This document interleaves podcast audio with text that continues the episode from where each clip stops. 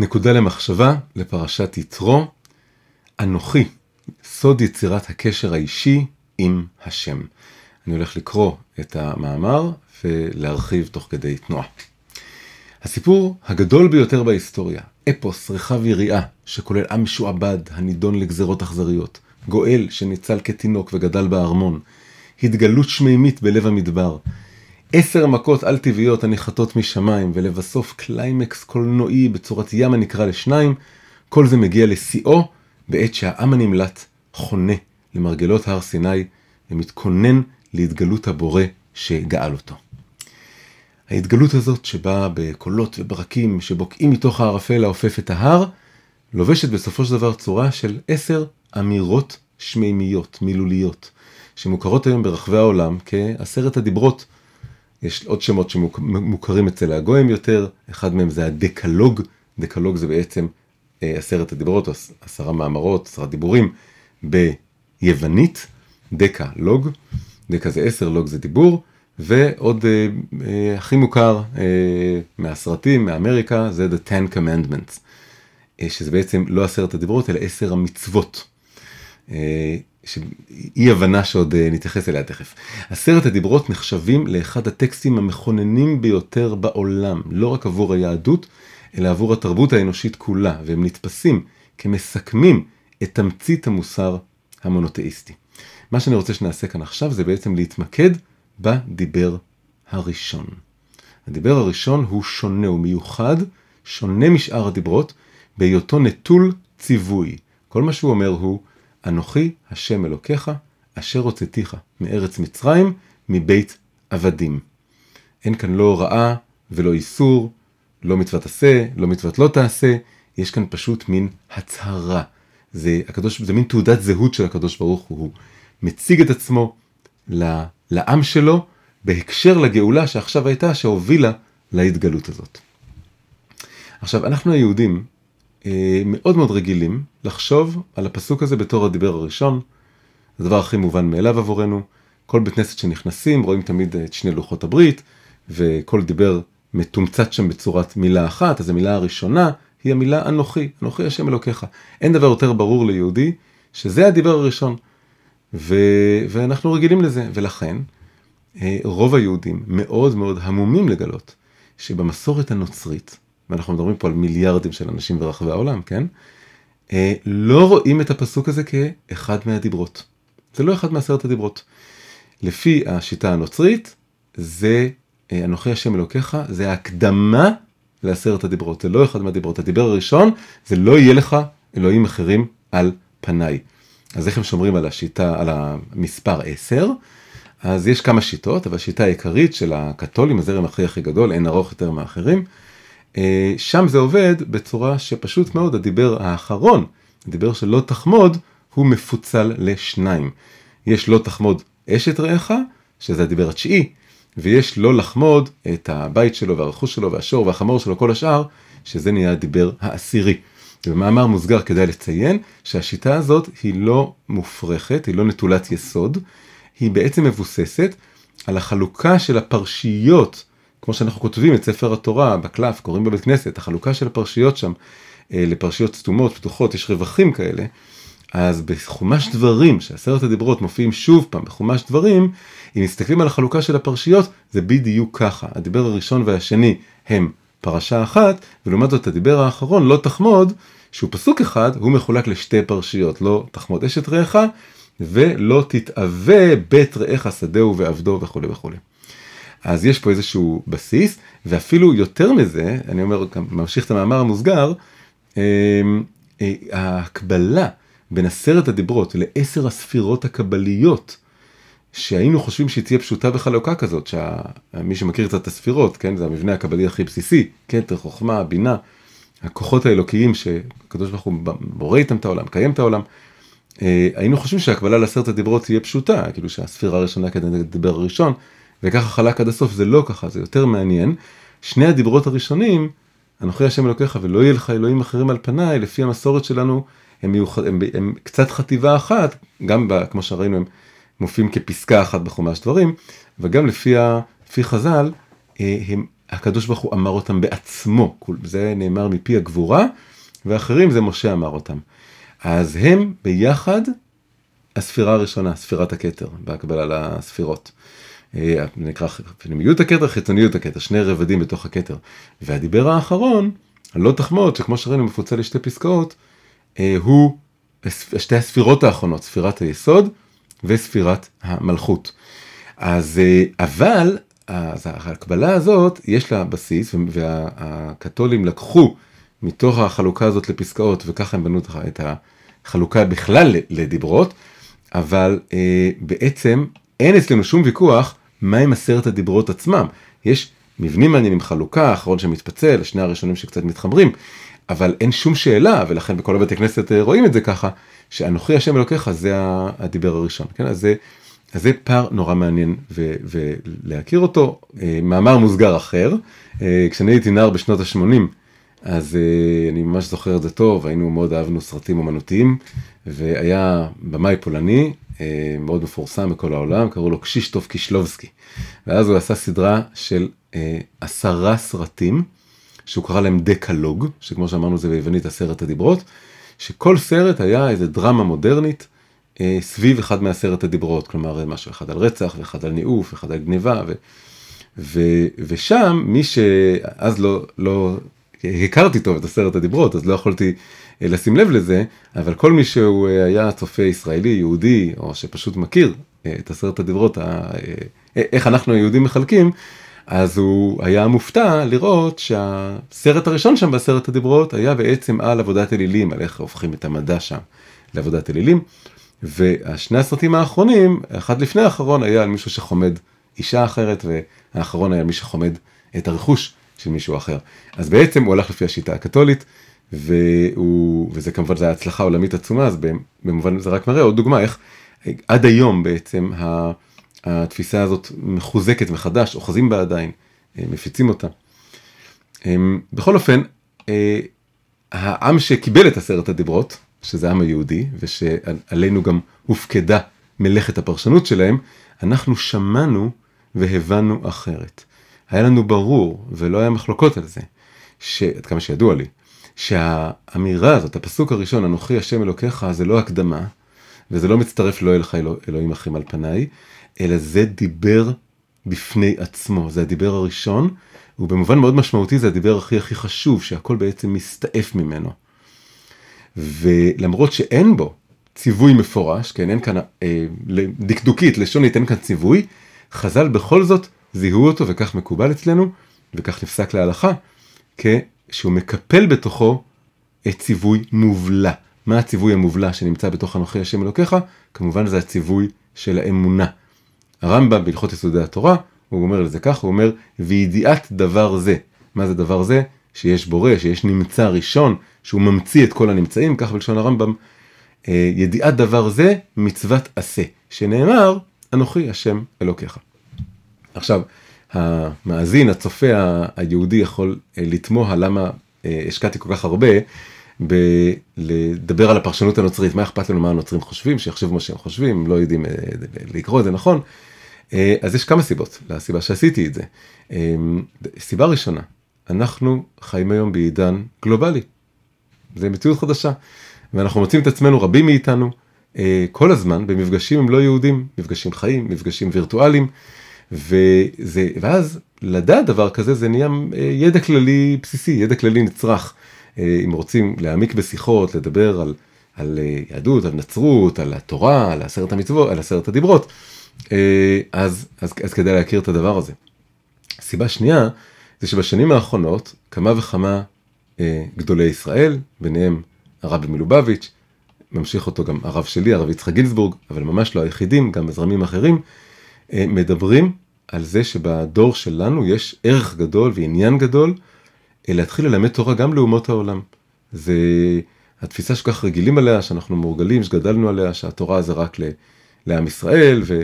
אה, אז זה, זה נכון שהחיוב במצוות, תרי"ג מצוות זה רק לעם ישראל, אבל הלימוד תורה, החוכמה של התורה, האור שבתורה שיכול להאיר אה, את החיים שלנו ואת הזוגיות שלנו, את המשפחה שלנו ואת העבודה הפנימית שלנו, את הקשר שלנו עם הקדוש ברוך הוא, כל הדברים האלה אה, צריך בעצם, חוץ מזה שיש שבע מצוות לאומות העולם, כל הדברים האלה צריך ללמד אותם ו- ולהפיץ אותם, ואז כמובן זה נהיה מאוד חשוב, אה, אם רוצים ללמד את עשרת הדיברות, וזה אולי אחד הדברים הבסיסיים ביותר ללמד אותם, אז צריך להבין מאיפה הצד השני אה, מגיע.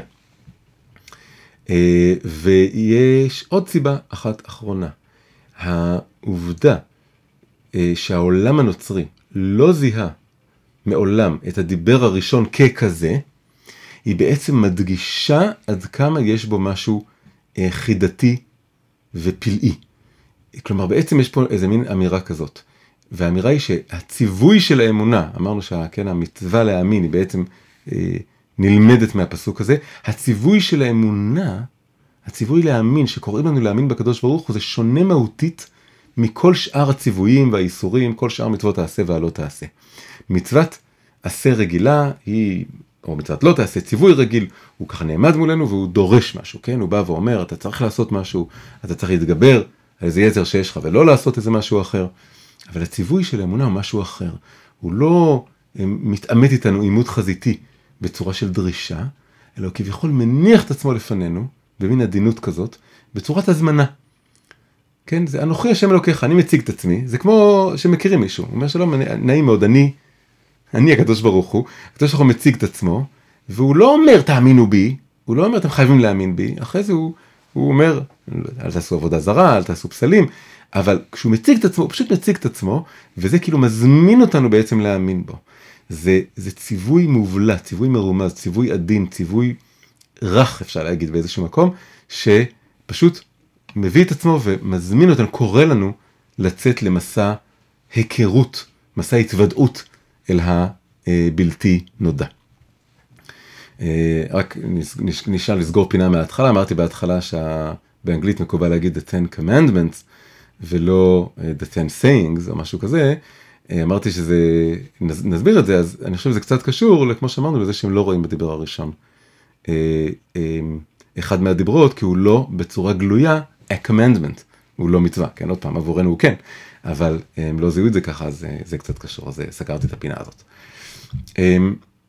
עכשיו אני רוצה שנתחיל להתמקד במילה הראשונה של הדיבר הראשון, המילה אנוכי. אפשר להגיד שהמסתוריות שאופפת את כל הדיבר הראשון, היא הערפל הזה הוא במיוחד סמיך, במיוחד עבה, עמוק, סביב המילה הראשונה אנוכי. המילה הזאת היא לכאורה מאוד תמימה, היא מופיעה בתנ"ך מאות פעמים, וכמובן כבר הופיעה אה, עשרות יותר ממאה פעמים אני חושב לפני, אה, לא אולי אני טועה, אבל עשרות פעמים לפני עשרת הדיברות, ולא מילה שפעם ראשונה היא מופיעה כאן או משהו כזה, אבל מכיוון שכאן היא המילה הפותחת של עשרת הדיברות, שהיא בעצם המילה הפותחת של התורה במובן מסוים, כי התורה עכשיו ניתנת כתורה, עד עכשיו הכל היה סיפור בתוך התורה על איך עם ישראל אה, התפתח והגיע למעמד הר סיני. אבל עכשיו בעצם כשהקדוש ברוך הוא פותח את הפה ומתחיל לתת עשרת הדיברות, אז אה, התורה מתחילה להינתן, אז יוצא שזה במובן מסוים זה המילה הראשונה בתורה מנקודת המבט של עם ישראל שנמצאים שם. ואז כתוצאה מכל הדברים האלה אז המילה הזאת קיבלה איזה מין משנה תוקף, משנה משמעות. אה, אה, ורוצים להעמיק בה פתאום, למרות שהיא הופיעה עוד המון פעמים קודם לכן, גם אצל בני אדם, גם אצל הקדוש ברוך הוא. אז, אז מה, מה בעצם המילה הזאת אומרת לנו, כן? מה זה, מה זה המילה הזאת אנוכי? ולמה זה המילה הראשונה? אז הדבר הראשון שיש לנו כאן, אה, זה נקודה עמוקה מאוד, וזה שהיא מדגישה שהקדוש ברוך הוא הוא מישהו ולא משהו. לתפוס הקדוש ברוך הוא כמשהו, שזה יותר מתאים לפילוסופים ולמיסטיקנים ויותר אולי במזרח, משהו זה, זה מין ישות ארטילאית ומופשטת וכללית כזאת, זה לא מישהו שפונים אליו בגוף שני יחיד ופונה אלינו בגוף ראשון יחיד וגם בגוף שני יחיד.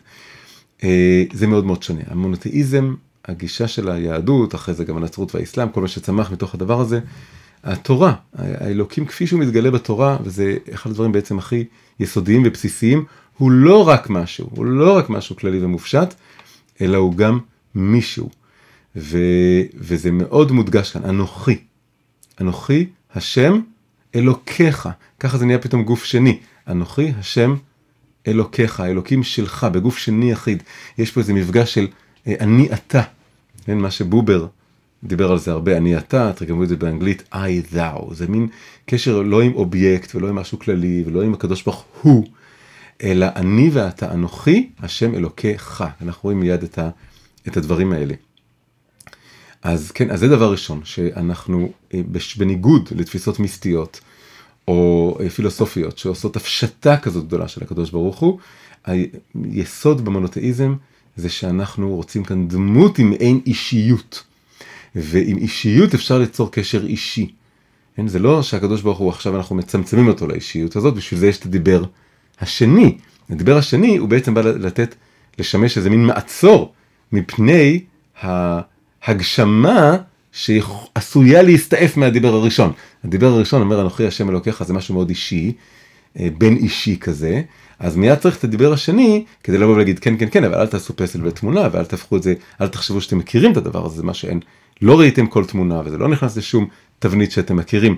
אבל מכיוון שהם עומדים כאן ביחד, אם רק היה את הדיבר השני, אז זה מאוד מעניין שהקתולים, שהם מאוד דווקא מגשימים את הקדוש ברוך הוא עד כדי לצייר אותו כאיש זקן עם זקן וכל הדבר הזה, הם דווקא אה, אה, לא רואים את הדיבר הראשון שהוא בונה קשר אישי, אלא רק את הדיבר השני, ודווקא נופלים בדיוק לדבר הזה. אבל אם סתם ככה היינו הולכים רק עם הדיבר השני, אז היינו יכולים להפוך אותו למשהו מופשט, מופשט, מופשט, שאין שום דרך לקשר, אפילו להתפלל אליו בצורה אישית, לפנות אליו בצורה אישית.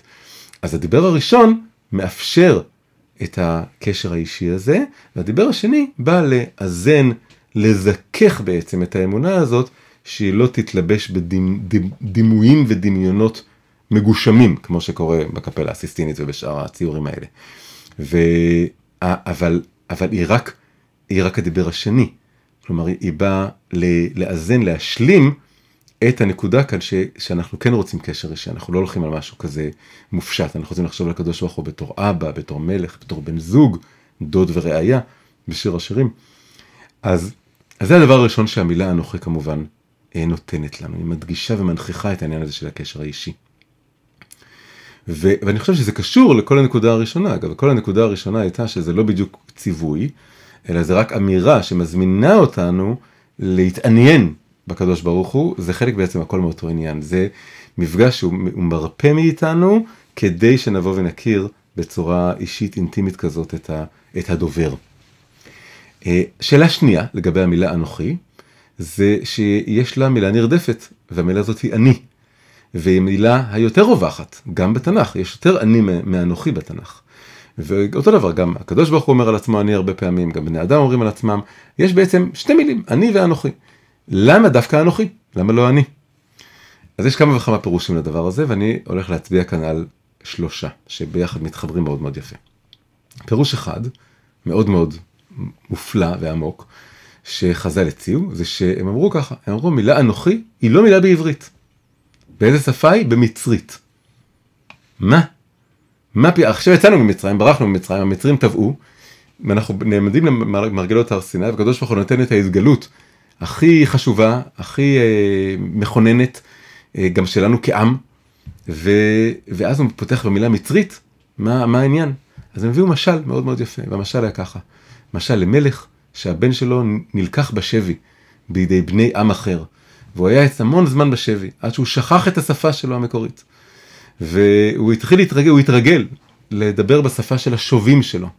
ואז יום אחד הוא ניצל, וה... והוא מתאחד עם האבא שלו, המלך, ואחרי שנים שהם לא התראו, אז המלך, האבא, ברגישות שלו, הוא לא מיד פונה לבן בשפה, בשפת האם שלהם, אלא הוא קודם כל פונה אליו בשפה של השובים שלו, בשפה שעכשיו הוא התרגל, ל, ל, ל, בגלל שהוא שקע שם והיה הכל כבר עמוק בשבי, והוא התרגל לשפה הזאת, אז האבא קודם כל בא לדבר איתו בשפה שהוא בשנים האחרונות רגיל בה, השפה של השבי, השפה ש, שהוא, אה, של המקום המרוחק, ואז הוא חוזר להזכיר לו ולדבר איתו בשפה המשותפת שלהם. אז כאן זה אותו דבר, השבי זה מצרים ואנחנו הבן, והקדוש ברוך הוא זה המלך, והוא בא והוא, וזה משהו מאוד מאוד יפה, הוא כאילו אומר, אנחנו כאילו עדיין קצת שבורים, למרות שכתוב שהשבעה שבועות האלה, מפסח עד שבועות בעצם, מיציאת מצרים עד מעמד הר סיני, היה זמן של החלמה, הזמן של התאוששות, אנשים יצאו פצועים, חבולים מהעבדות, היו צריכים להחלים כדי לעמוד ככה יפה מול, מול הקדוש ברוך הוא בהתגלות התורה. אבל יש כאן כנראה איזו הבנה שבדקות עדיין יש איזה, איזה רושם, איזה, אה, איזה מסך ש, של מצרים.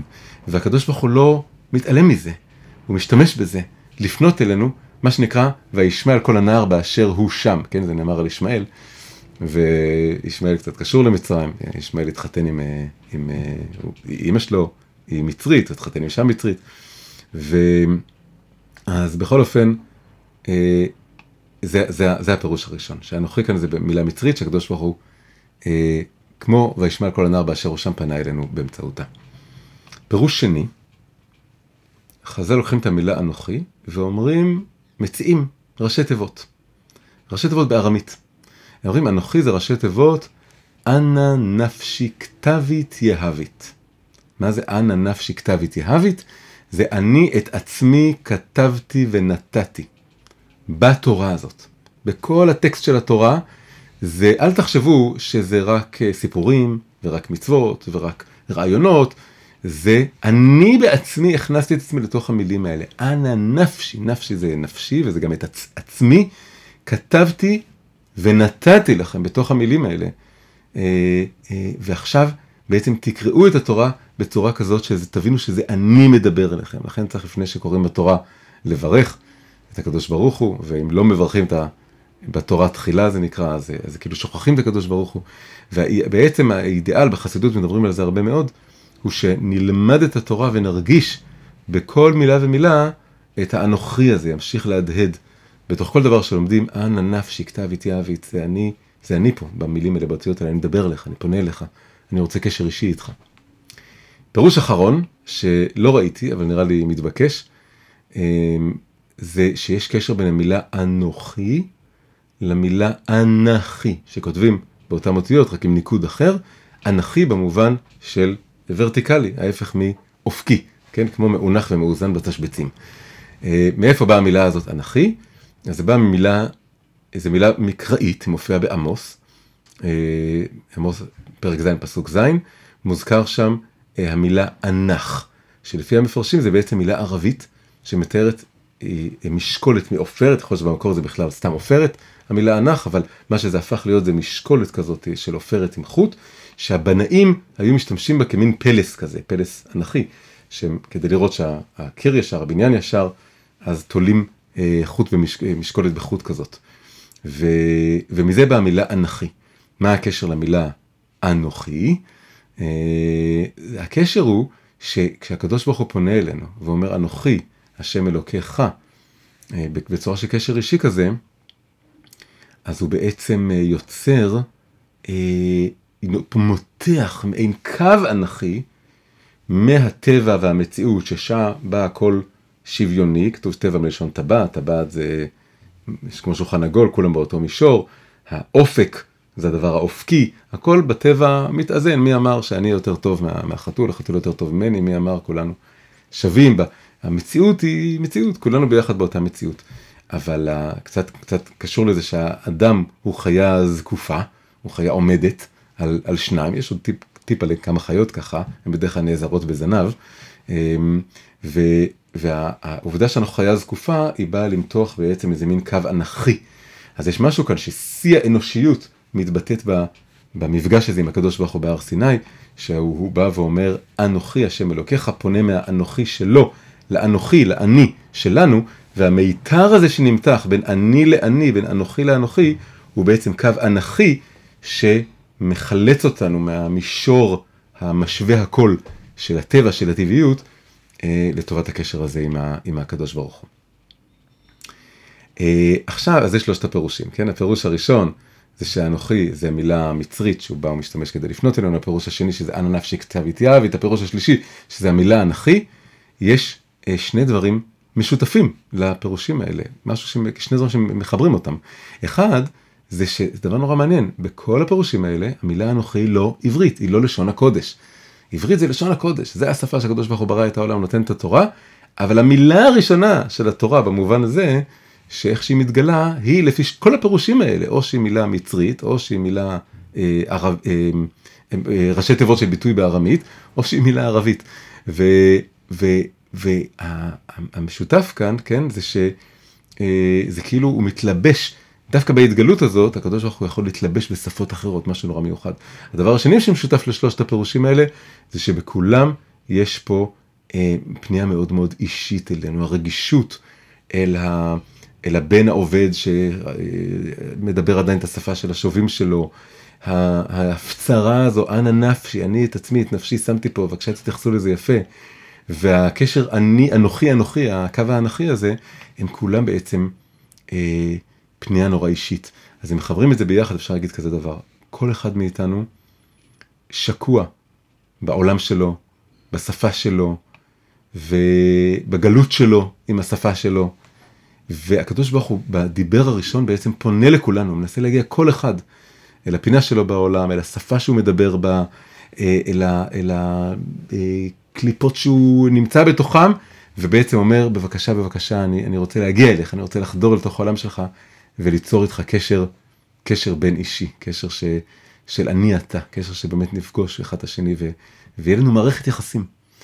אז זה, זה מה שיוצא ככה מכל, ה, מכל הדברים.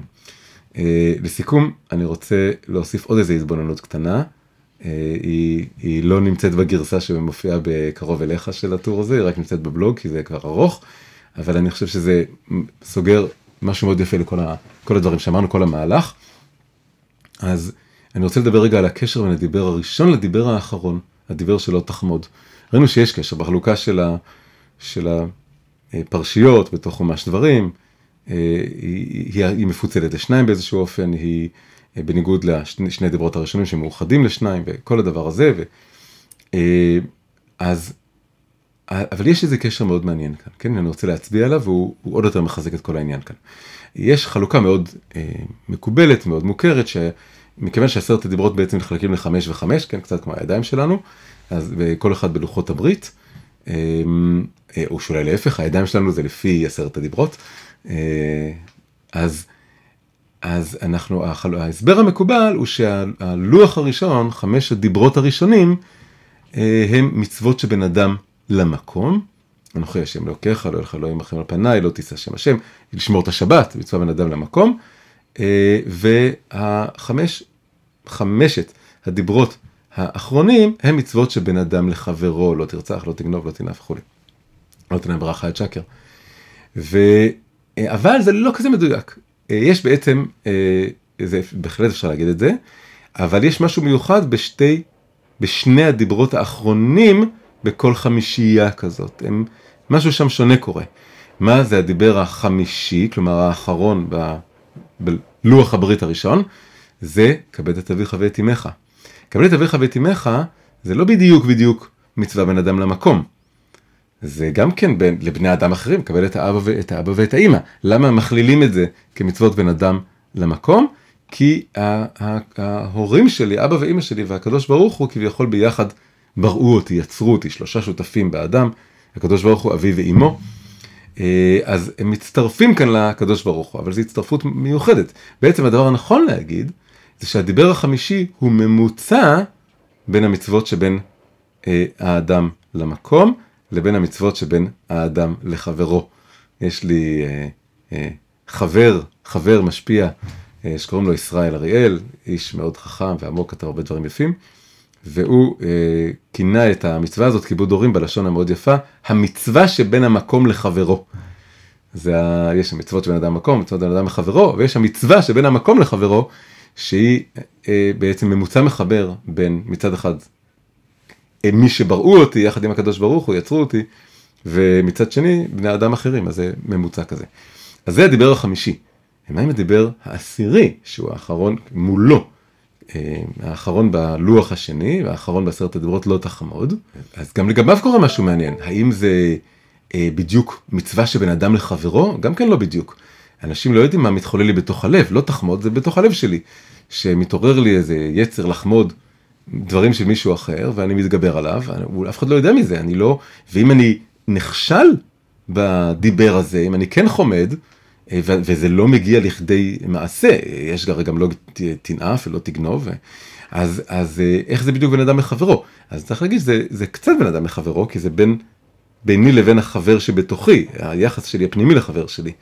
אבל צריך להגיד שכמו שהכיבוד הורים הוא קצת שונה, גם זה קצת שונה. זה יותר, יותר משהו כמו דיבר או מצווה בין אדם לעצמו.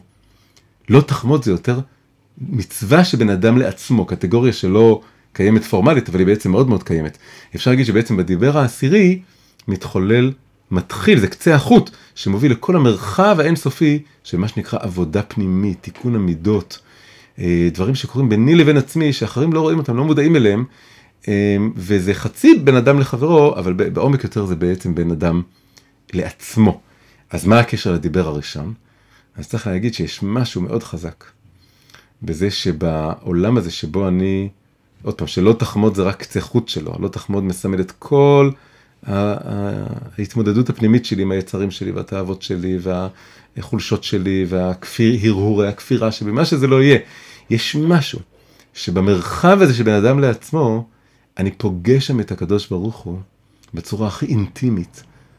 את הקשר אני אתה זה בא לידי ביטוי בצורה הכי אינטימית, אפילו יותר מאשר אה, במצוות בין אדם למקום. אני יכול אה, אה, אה, לברך, ואני יכול לשמור שבת, אני יכול לעשות כל מיני דברים ביחס לקדוש ברוך הוא, ולא לפגוש אותו באות, באותה אינטנסיביות ועוצמה שבה אני פוגש אותו כשאני מתמודד בתוך חדרי חדריי הפנימיים אה, ביני לבין ההרהורים שלי והמחשבות שלי והיצרים שלי ועושה את כל העבודה הפנימית הזאת. אז זה קשר מין נעוץ אופן בתחילתן, מאוד חזק, מאוד משמעותי, בין הדיבר הראשון והדיבר האחרון. והמכנה המשותף של כל הסיפור הזה, אה, וזה הדבר שאיתו צריכים ללכת ככה לתוך, ה, לתוך הפרשה הזאת, לתוך השבת הזאת, זה, זה, זה הקשר הבין אישי. להבין שעם הקדוש ברוך הוא זה לא רק אמונה, זה לא רק שמירת מצוות, זה מערכת יחסים אישית, אינטימית של כל אחד ואחד עם הפלא הזה שנקרא הקדוש ברוך הוא. אז תודה רבה לכולם, שיהיה לכולם שבת שלום מתי שאתם צופים בזה. להתראות.